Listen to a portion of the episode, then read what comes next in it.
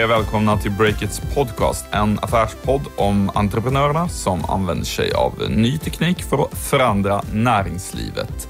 Eh, jag sitter här i poddstudion och mitt emot mig finns eh, Stefan Lundell som jag, Ola Aronsson, driver nyhetssajten Breakit tillsammans med. Vad ska vi prata om i podden idag? Vi ska bland annat prata om AT&T's jätteköp och att det bäddar för ett högst oväntat svenskt äktenskap mellan Bonnier och MTG. Och så diskuterar vi varför allt fler startups ser ut att vilja börsnotera sig. Slutligen eh, kan vi också berätta om Spotifys oskrivna dollarklipp. Yes, men vi börjar med det senaste från nu på morgonen faktiskt, där när vi spelar in. För och första snabba nyhet i svepet, det är att eh, General Electric, de höjer budet på det svenska trädeskrivarbolaget Arkam. Eh, vad mer har hänt i veckan, Stefan? Mycket som vanligt. Bland annat har eh, nyheten kommit, den högst oväntade, att Investors tidigare VD Börje Ekholm har utsetts till ny VD för Ericsson. Börje Ekholm sitter ju också i eh, Alibabas styrelse. Yes, och så är drönare på tapeten. Ett nytt domslut innebär ett slut för nästan all fotografering med drönare i Sverige eftersom det räknas som eh, kameraövervakning. Nu hoppas branschen på en lagändring. Och utanför Sverige så har Wall Street Journal avslöjat att Facebook har blåst upp sina videosiffror med 60 till 80 procent. En stor skandal, eh, tycker många. Nu kräver bland annat organisationen eh, Sveriges annonsörer att Facebook framöver blir betydligt mer transparenta när det gäller sina siffror. Ett eh, logiskt krav får man säga. Eh, slutligen, Linköpingsbolaget Aquary har försatts i konkurs. Det är oklart eh, exakt hur stora skulder bolaget eh, har eh, till bland annat Almi tillväxtlån. Klart är att Acquarid har utvecklat en slags dykardator som ger användaren information om till exempel hur länge man kan stanna på ett visst djup. Bolaget har tidigare tagit in runt 10 miljoner kronor i finansiering. Börjar, börjar likna en trend där. Det är ett eh, hårdvarubolag från Linköping som går konkurs nästan varje vecka nu för tiden. Vi sponsras även denna vecka av podcasten Digitalisterna. Uh, Olle, vad är Digitalisterna för podd? Det är ett initiativ som Telia Företag har tagit där programledarna Kjell Eriksson och Daniel Stark tittar närmare på hur digitaliseringen påverkar näringslivet. Ja, I det senaste avsnittet tar man ett lite större grepp om eye tracking eller ögonstyrningsteknik på svenska. Eh, bland annat har man bjudit in eh, börsraketen Tobii eller Tobis affärsområdeschef Fredrik Ruben. Det tycker vi absolut att ni ska lyssna på. De har ju väldigt intressant teknik, eh, Tobii. Digitalisterna, det heter alltså podden som denna vecka är sponsor av Breakits podcast.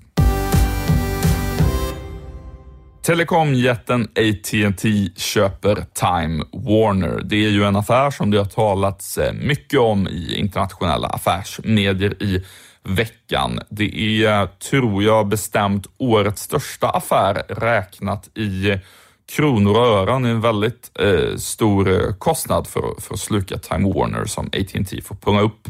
Eh, och Det är en affär som också sätter strålkastarljuset på den nordiska och svenska telekom och mediemarknaden. Man eh, bör börjar fundera på om vi kan få se något liknande här i Sverige. Vad tror du, Stefan?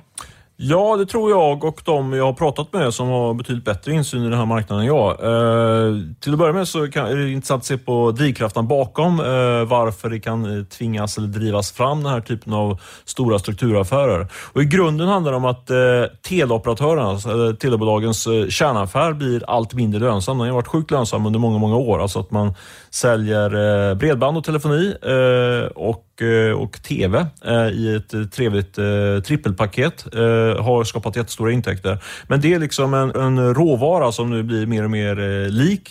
Man kan liksom inte konkurrera med det utan det är Eh, det finns ingen unikitet i det erbjudandet och det gör att eh, man driver mer och mer om att eh, innehållet kommer bli mer och mer avgörande för att man ska kunna bygga en lönsam affär även i framtiden. Och Följden av det blir att teleoperatörerna, då, eller distributörerna utav, utav innehåll, Eh, går in helt enkelt på, på innehållsproducenternas eh, område, alltså mediebolagen. De börjar slåss på samma eh, spelplan. Eh, och vi kan ju då som journalister glädja oss med att eh, content egentligen är Content is king har vi pratat om tidigare. Det pratade man om typ för 15-20 år sedan tror jag. Men nu verkar det verkligen hända på riktigt. Ja, det är ju något som har snackats om rätt länge, att det där skulle kunna vara en, en bra matchning.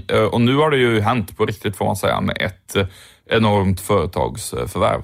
Vad skulle du säga att eh, följderna blir av, ehm, av att eh, eh, bollen nu är i rullning på allvar innan det här? Ja, om man leder vidare resonemanget att, att båda alltså de här två stora Eh, branscherna så att säga eh, går ihop eller börjar agera på samma, på samma spelplan. Eh, så kan man konstatera att eh, Telia har redan gett sig, alltså det är en trend man har pratat om att det kommer ske. Eh, och man har sett internationellt, bland annat i, i eh, Storbritannien där, där det är British Telecom och, och, Sky har ju slått mycket redan i det här innehållssegmentet och drivit upp kostnaderna för, för fotbollsrättigheter där bland annat. Men det man ser här i Sverige som börjar hända, som jag tycker är väldigt intressant, är att jag har hört från, från Eh, säkra källor att Telia faktiskt har gett sig in redan i den här matchen om eh, de mest attraktiva rättigheterna. Det handlar ju framförallt om sporträttigheter. Då. Eh, tydligen var de med och bjöd på Premier League här nu för ett år sedan ungefär. Eh, där såklart då Bonnier via Simor och Kanal Digital, eller eh, Discovery ska jag säga. Discovery Channel var ju med och försökte bjuda på det, men MT drog det längsta strået. Och det är väl ungefär den storyn man har hört. Men tydligen var det så att eh, det var Telia som var med i, eh, i sista rundan och drev upp priset väldigt mycket. Så det blev mycket dyrare än de traditionella mediebolagen tidigare har betalt för den här typen av rättigheter. Så det är ett tydligt tecken i tiden på, på den här, vad ska jag kalla det, branschförskjutningen.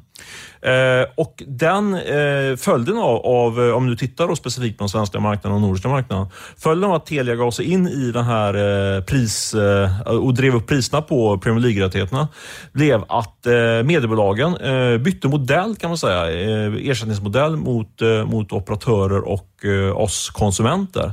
Tidigare har det varit så att man har eh, som, eh, som distributör utav rättigheterna, till exempel då Comhem eller Bredbandsbolaget eller någon, någon annan sådan aktör. Man har i princip fått provision på att sälja vidare de här sportpaketen till, till oss konsumenter. Eh, fått kanske 30 procent per paket som man har sålt.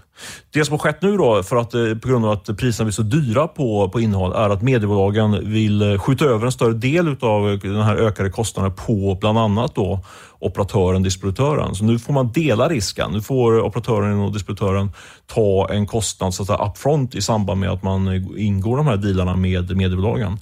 Och Just det, så att eh, om jag bara förstår det rätt ja. där alltså att um man vill, när man köper loss en dyr rättighet för film eller eh, HBO eller Premier League eller vad det nu handlar om, eh, så eh, vill man liksom att eh, den, till, om man är MTG då till exempel, så vill man att den teleoperatör, internetoperatör man samarbetar med, ska vara med och betala direkt för att man köper in rättigheten. Exakt. Oavsett hur många som sedan köper Viasat sportabonnemang eller vad det nu är. Ja, man får ta en större, del, en större risk helt enkelt. Det kan ju bli en bra affär i slutändan, men tidigare har man liksom sålt riskfritt vidare de här rättigheterna. Och det där, vad jag förstår, var ju orsaken till att eh, för något år sedan var det så att Kanal 5 stängdes ute från Kanal Digital och Bredbandsbolagets eh, kunder under ett par veckor var det väl, eh, innan man kom i mål där. Eh, och då, det var ju att man inte lyckades eh, komma överens i förhandlingarna. Och bakom det låg den här ändrade strukturen. Så ligger landskapet alltså just nu. Vad kan vi få se framöver? Ja, det vi kan se då, det är ju liksom att eh, i och med att det blir en, ett, ett ökad, en ökad konkurrens om eh, innehållet, det attraktiva innehållet. Så det man kan se, två, två trender skulle jag säga. Dels är det så att eh, eh, både mediebolagen och eh, distributören på varsitt håll så att säga, försöker stärka sig på sin egen planhalva. För sen kommer ju de slåss mot varandra i budgivningar och eh, eller i, i, ja, man biffar upp mot varandra så att säga. Och det ser man ju eh, en tydlig trend i när Comhem då gick in och köpte Boxer. Det är ju framförallt för att man vill, har man eh, en massa, massa eh, kunder helt enkelt så har man ju mycket bättre förhandlingsposition mot, eh, mot i det här fallet då mediebolagen när man förhandlar de här rättigheterna, kostnadsröstningarna. Det andra som man ser det är att att, eller på samma tema då, fast om man tittar på mediebolagen, så behöver de också stärka sin ställning mot distributörerna. Och där tror jag att man kan se en trend, en potentiell jätte jättespännande affär mellan då det som vi flaggar för i vår lilla ingress. Att eh, Bonnier, som eh, kontrollerar Simor skulle kunna gå ihop med MTG då, som kontrollerar Viasat. De två tillsammans skulle bli superstarka i förhandlingar med, med aktörer som, som Telia och Telenor. Uh, och, uh, så det tror jag inte är helt en helt omöjlig uh, utveckling att det äktenskapet då skulle kunna ingås mellan de ganska tidigare i alla fall forna väldigt tuffa konkurrenterna. en ren spekulation från min sida, men, man ser, men däremot så tycker jag att den trenden är tydlig i i, i det här spelet. Så det ena är att, att man på, på, så att säga, på sin egen hemmaplan stärker sig genom att man går, går samman med varandra. Eh, och Det andra då, som är som ett minst lika eh, troligt scenario, det är då att mediebolag, precis som vi har sett då AT&T som, som slukar eh, Time Warner, att det då istället att eh, eh, distributörerna eh, slukar ett mediebolag eller vice versa. Då, eh, köper ett, eh, ett mediebolag köper en distributör. Men det är väl mer troligt med tanke på att titta på på eh, styrkeförhållanden styrkeförhållanden, hur mycket pengar de har helt enkelt, så är det väl större, större chans att eh, en distributör då, eh, köper ett eh, mediebolag. Teleoperatörerna är helt enkelt mycket större räknat i kronor och ören. Det, det är svårt att se att eh, att MTG skulle köpa Tele2 till exempel? Ja, nej, det, tror jag, det tror jag inte vi ser framför oss. Men däremot, så, om man skulle spekulera där vad, vad man, man, kan se för, tydlig, för, för dealar där, så, så tror jag, det har ju, var ju medietidningen Resumé pratade om det redan för på, på månader sedan, att eh, Telia har varit i förhandlingar med Bonnier om att och gå in i, i eh, Simor. Uh, och det tror jag, det är en sån affär som skulle kunna ske. Då tror jag kanske av konkurrensrättsliga skäl att, man, att Telia skulle knoppa av sin tv-del och slå ihop den med, med Bonniers tv-del. Det skulle kunna vara en, en spännande eh, pjäs. Eh, en annan skulle kunna vara att eh, Telenor eh, igen köper in sig Simon. De var ju delägare i Simon och sen så så drog de sig ur det, men eh, det tror jag att det var lite för, ett lite förhastat beslut. Men min slutsats är, är väl då, kanske lite tråkigt men, eh, för att den är inte så spetsig, men någonting kommer att ske. Det är ett pussel som, som håller på att läggas nu och eh, ingen av de här aktörerna vill sitta ensamma, så att säga. Som, en, som min, en av mina källor sa, som en panelhöna. Man vill, man vill vara med i det här, i det här spelet.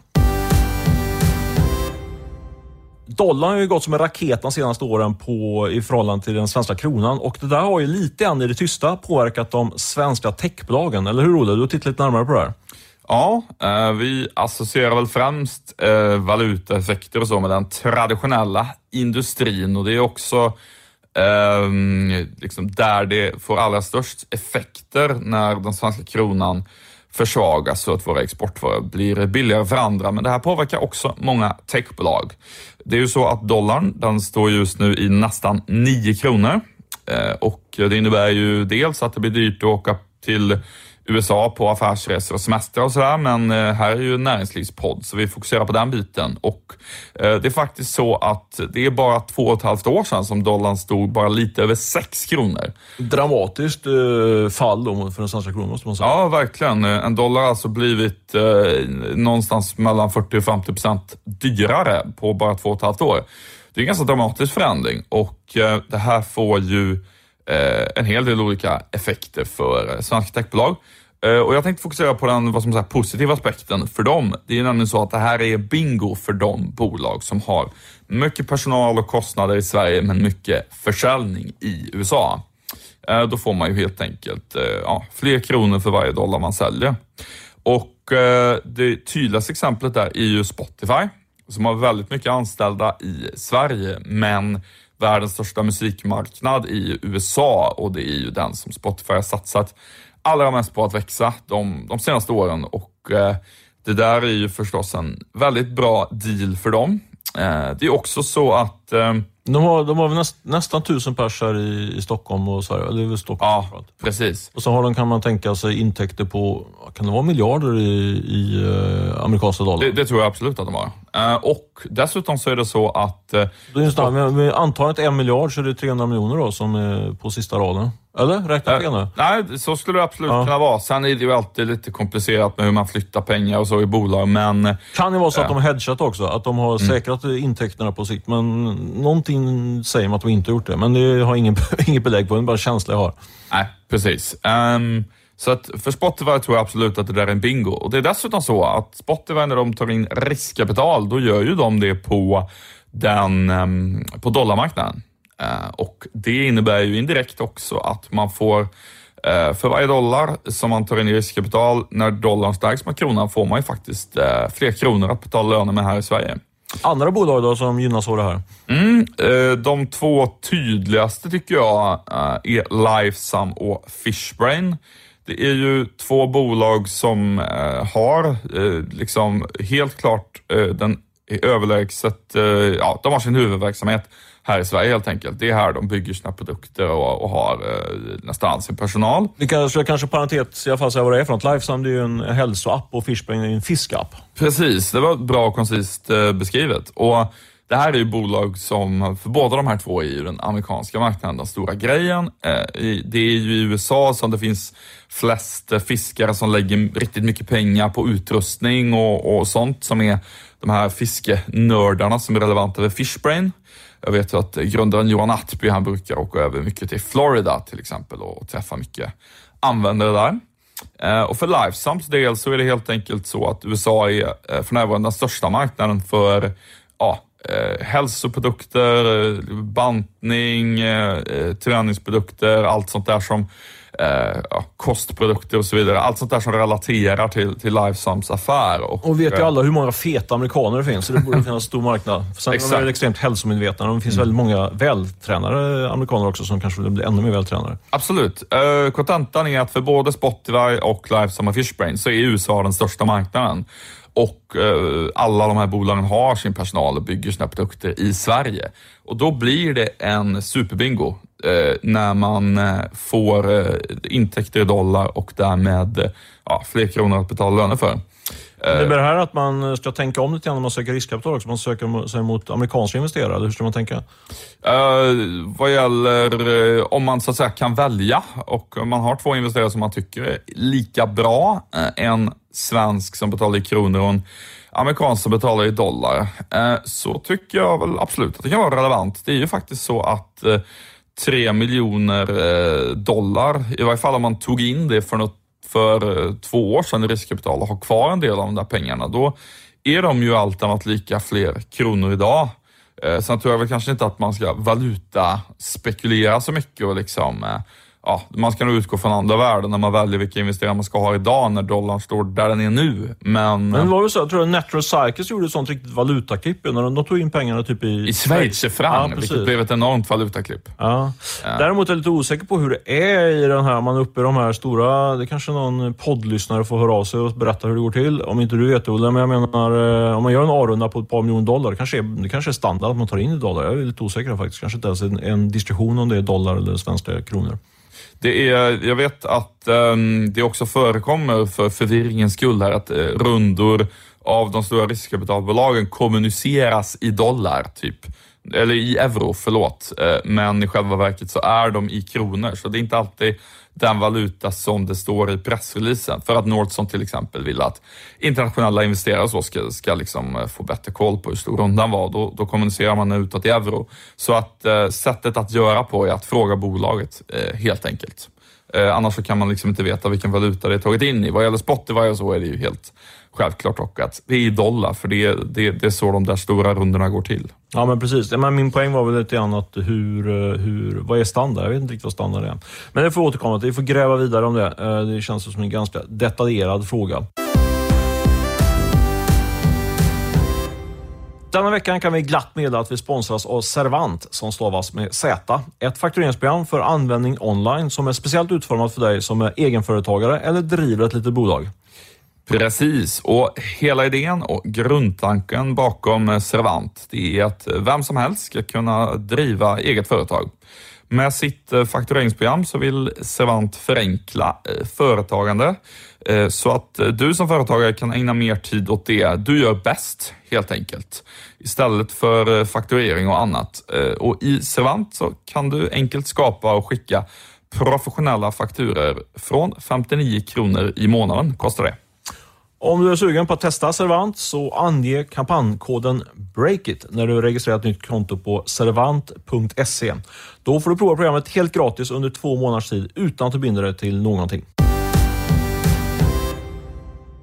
Dags att prata lite börs. Vi kunde ju häromveckan berätta att nynoterade techaktier har gått mycket bättre än svenska börsindex de senaste åren. Vi har också tidigare spått att allt fler startups kommer vilja notera sig eh, både på de större och de lite mindre listorna och det har vi väl fått rätt i enligt eh, framförallt dina källor där ute på riskkapitalmarknaden, Stefan, så är det ju många e-handelsbolag och techbolag som vill till börsen nu. Ehm, och Det finns ju dessutom fler olika alternativ än liknande. Det kommer nya plattformar, Peppins till exempel har vi rapporterat om, som låter en verka i en sorts eh, seminoterad miljö kan man väl kalla det för. Så det är lite ett nytt landskap för entreprenörer. Um, jag tänkte att vi Eh, skulle kunna gå igenom eh, lite grann för och nackdelarna med att notera sig om man driver en startup. Eller vad säger du Stefan? Ja, det kan vi göra. Ska jag börja? Ja, du kan ju börja med att dra argumenten för att notera sig i en tidig fas. Ja, det finns ett antal eh, sådana ganska tydliga argument eh, som jag snart ska dra. Men jag skulle vilja säga att det, viktiga i, i, i, i, mer övergripande sån diskussion är ju eh, att det alltid är en konkurrens mellan börsen alternativt eh, att ta in kapital utanför börsen. Ibland är det hett att gå till börsen och ibland är det mycket bättre att, och sälja eller ta in kapital eh, från privata investerare eller aktörer utanför densamma. Eh, men just nu eh, är ju börsen väldigt het för, från stora, lite mer etablerade bolag. Det har vi ju skrivit om och många andra. Det har, för ett antal år sedan så var det knappt in, något bolag som gick börsen, men nu kommer det nya bolag nästan varje vecka. Eh, vilket är eh, kul, i alla fall att skriva om. Men däremot menar jag eh, att det finns ett ganska stort eh, börsfönster öppet för mindre, mer omogna techbolag som, eh, som eh, entreprenörer är dåliga på att utnyttja. Eh, jag tänker på eh, eh, de här lite mindre listorna, Aktietorget, NGM och First North, där man kan faktiskt notera sig till en värdering på kanske vadå, 30, 40, 50 miljoner och ändå plocka in en 10, 15 miljoner kronor i nytt kapital. Och Det är ju vad en mindre A-runda är. Och därför där tror jag att det finns ett, eh, ett intressant alternativ just nu till den privata marknaden. Men du frågar om fördelarna eh, och det är ju de som man brukar anföra är att det det kan vara enklare att få en hög värdering om man går på börsen. Man kommer ut till en bredare investerarbas och kan på det sättet driva upp värderingen. Det finns fler som vill köpa helt enkelt, eventuellt. Ja, precis. En större investerarbas. finns fler köpare då. Eh, man kan också använda den egna aktien till att göra förvärv. Då. Det kan man ju göra utanför börsen också, men det är mycket enklare om man har en sån eh, likvid aktie eh, som den förhoppningsvis är när den handlas på, på en eh, marknadsplats. Eh, sen är det ju omvänt då lättare för ägare som är med i bolaget att sälja sina aktier. Man får en, lättare att göra en exit. Sen ska man inte underskatta om man är ett bolag framförallt som rör sig, vänder sig till konsumentmarknaden, det är en väldigt bra marknadsföringsplattform. Det skrivs mycket, mycket mer om eh, noterade bolag om man, eh, om man har en hyggligt intressant produkt. Så det, det är en bra, ett bra sätt att, att, få fart på försäljningen. Slutligen då, om man ska dra alla de här fördelarna som finns, så är det oftast mycket enklare att göra en eh, nyemission om man har hela den publika kapitalmarknaden att tillgå, som man då har när man är noterad. Det är fördelarna. Eh, vad talar emot, skulle du säga, Olle? Ja, som eh, Breakits podcasts eh, dysterkvist ska jag nu lyfta fram allt, allt dåligt med att notera sig. Mm. Eh, nej, men det mest klassiska och som jag håller med allra mest om, det är väl det som kallas för kvartalsekonomi. Att ehm, eh, på börsen så reagerar marknaden väldigt tydligt genom att höja och sänka en aktie när man till exempel har gjort dålig, eh, dåligt resultat ett givet kvartal. Som entreprenör så gillar man egentligen inte att fokusera på ett enskilt kvartal, utan man gillar att prata om långsiktighet. Vad ska bolaget vara om fem år? Och då måste man ibland så att säga offra och kanske ha eh, ett par dåliga kvartal. Um, men det brukar eh, aktiemarknaden, den publika aktiemarknaden inte uppskatta så jättemycket. Och det kan vara enklare om man är om man är i en onoterad miljö, då är det där mer en sak mellan en själv och, och styrelsen och några, några få eh, ytterligare ägare. Sen så kan det bli tufft rent mentalt eh, om man är ett litet bolag och eh, aktien går ner för att man inte levererar just ett kvartal till exempel. Um, du nämnde tidigare det här att det kan vara lättare att få en hög värdering. Eh, jag tittade på um, ett bolag här eh, innan vi började spela in. De heter Frisk. Eh, det är en lite förenklad konkurrent till Kry och Min Doktor, sån här digital vårdcentralmodell. De rusar ju när de noterades på First North och är nu värderades senast jag kollade till 288 miljoner kronor och det är ju betydligt mer än vad då till exempel eh, min doktor är, värderad till. Eh, trots att eh, Frisk, ehm, eh, jag tror inte att de har kommit längre operativt så att säga, utan värderingen är högre helt enkelt för en, för en verksamhet som är inom, inom samma segment. Eh, och det där kan ju då, det är ju väldigt glatt och trevligt när den aktien rusar, men eh, det blir ju en rätt det kan vara rätt jobbig mental press tror jag för entreprenören om, när det där vänder neråt och liksom ja, det går upp 30 procent ena dagen, sen går det ner 30 procent andra dagen. Det, det, kan ju bli så, vilket eh, kan kännas jobbigt. Samt får man en väldigt högt värderad eh, aktievaluta som man kan sluka Kry eller Min Doktor för om man vill. Ja, precis. Om, om de säger ja till det. Men absolut, det, den här värderingen kan man använda till att göra offensiva förvärv, vilket säkert kan vara kul som VD.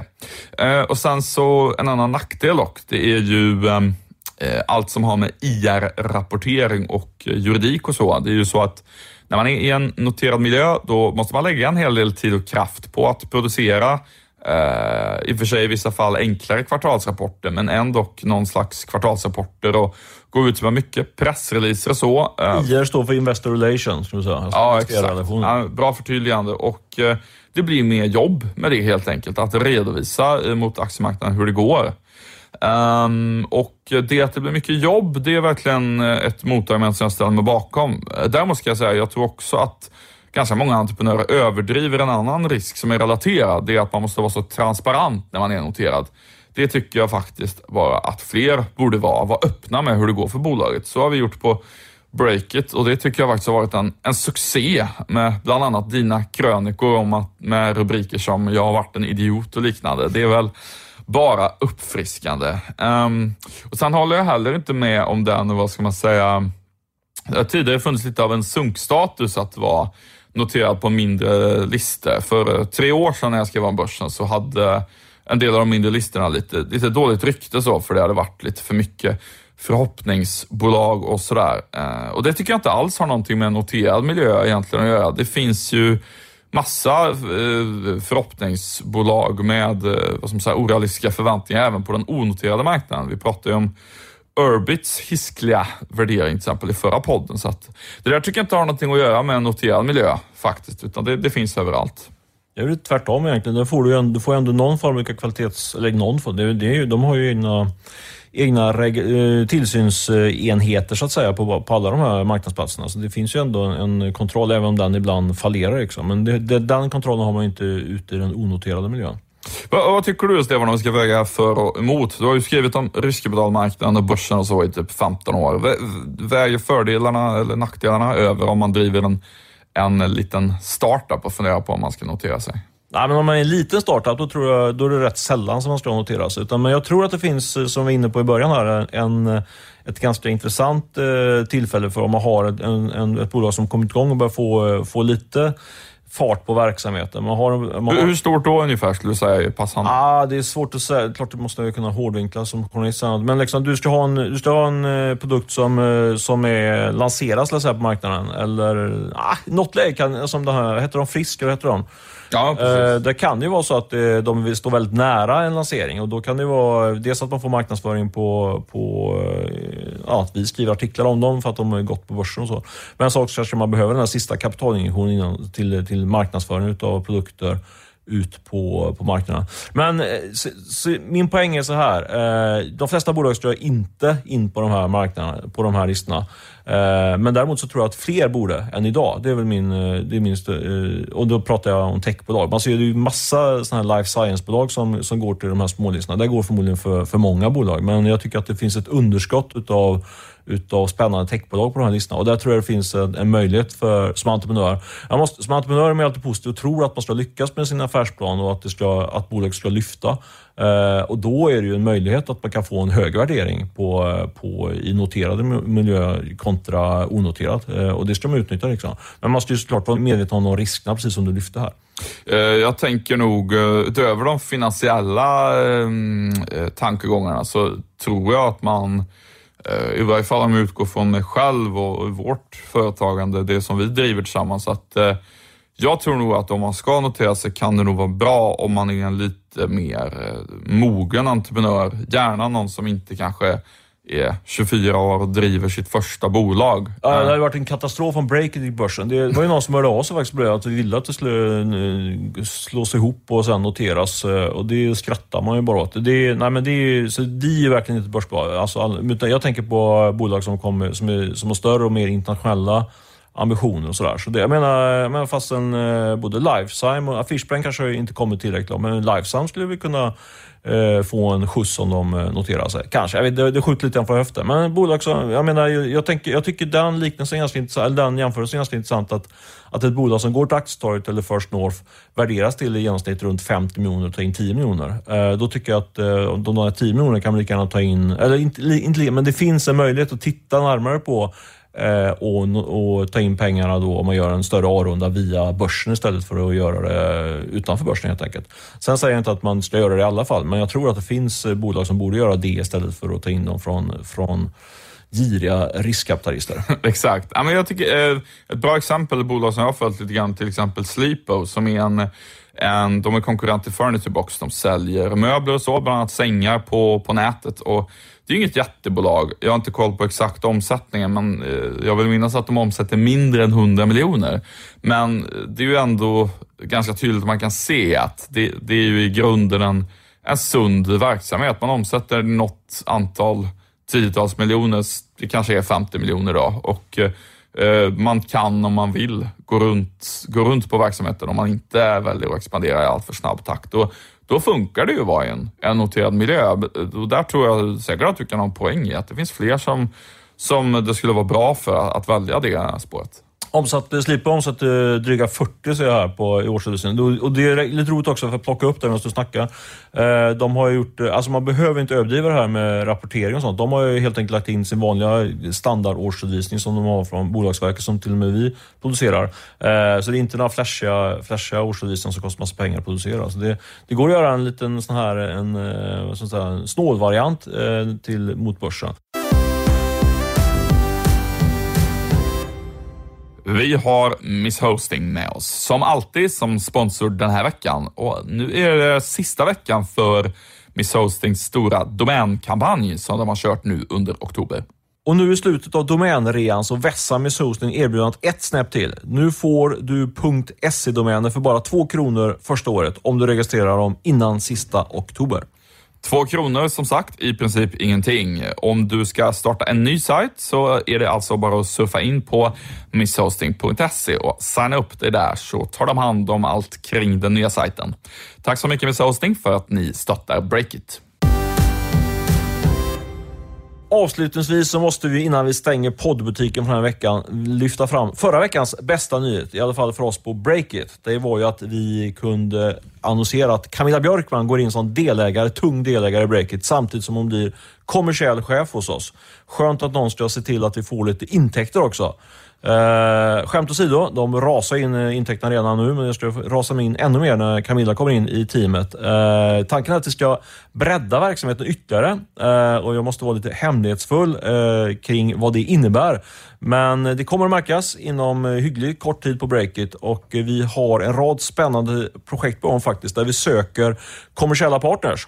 Eh, och eh, skulle du kunna vara en sån potentiell? Det är svårt för dig att veta. Eh, men är du en person eller ett, som företräder ett företag som tror att ni vill eh, associeras alltså och jobba med Breakit så är det bara att eh, hör av er till mig till att börja med nu då. Stefan at breakit.se. Jag är helt säker på att vi kan eh, få till en riktig win-win situation. Jag har verkligen satt på mig säljkepsen nu i slutet på podden känner jag. Men eh, så får det vara ibland Olle, eller vad säger du? Ja, jag har inget emot att höra på det. Du, ehm, eh, en sak som Camilla Björkman kommer jobba med är ju, som du sa, samarbeten med andra bolag.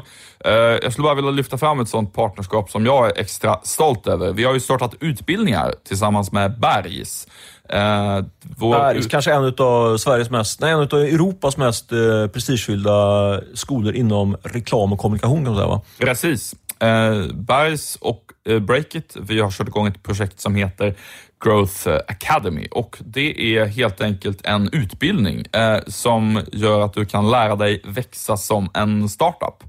Eh, man får lära sig metoder som till exempel growth hacking och rapid prototyping. Det är alltså modern digital marknadsföring och... Eh, du måste utveckla rapid prototyping. Det vet jag själv inte ens vad det är, trots att vi säljer ut... Du kanske borde gå kursen. Aha. Nej, men det är helt enkelt startup-metodik för att ähm, men, ta fram en produkt på extremt kort tid och direkt testa den på marknaden. Äh, det är relaterat till det som kallas för lean startup, som ah, jag vet ja. att du känner till. Jag läste en hel bok om faktiskt. Du borde ha läst boken. Lite. Starkt att du har läst den. Jag har ja. aldrig orkat läsa hela boken, men jag tror jag förstår grundprincipen. Och Det är en grundprincip som genomsyrar den utbildning vi kör tillsammans med Bergs. Eh, om du jobbar på ett lite större företag och eh, jobbar till exempel med marknadsföring, tycker jag verkligen att du ska be din chef om att eh, få gå de kurserna. Du kan gå in och surfa på growthacademy.nu för att spana vad kursinnehållet är mer i detalj. Eh, gör det, annars så ska vi väl avsluta den här podden nu. Ehm, vi tackar Beppo ljudproduktion som klippte och spelade in det här på länk. Eh, ta hand om er så hörs vi nästa vecka. Hej då! Hej hej!